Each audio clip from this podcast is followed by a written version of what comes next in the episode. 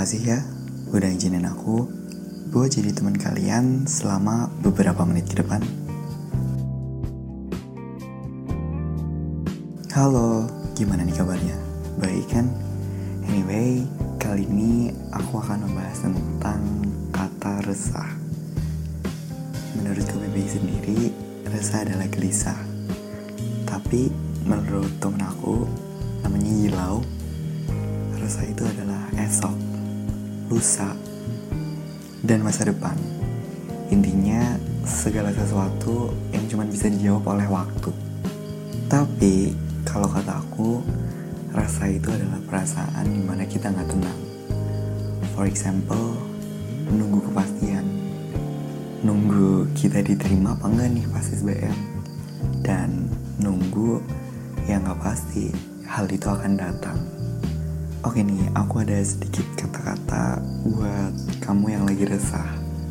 Resah melindungi seseorang, tapi nggak tahu tuh orangnya rindu kamu apa enggak. Andai aja ragamu ada di sisiku, pasti diriku nggak akan segelisah ini, seresah ini, menanti datangnya dirimu. Tapi apa daya, kita nggak ditakdirkan bersama aku merindu padamu.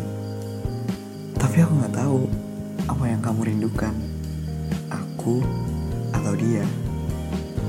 Aku resah, ingin melupakanmu.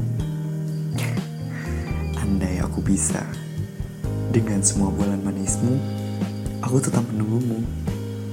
Walau aku tahu, rindumu bukan hanya untuk diriku.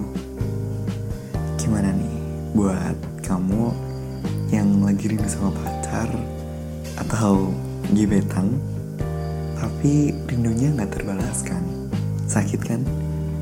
Buat apa sih? Ngerinduin orang tapi apa? Orangnya entah nganggap kamu ada atau enggak. Ya itu yang dinamakan perjuangan.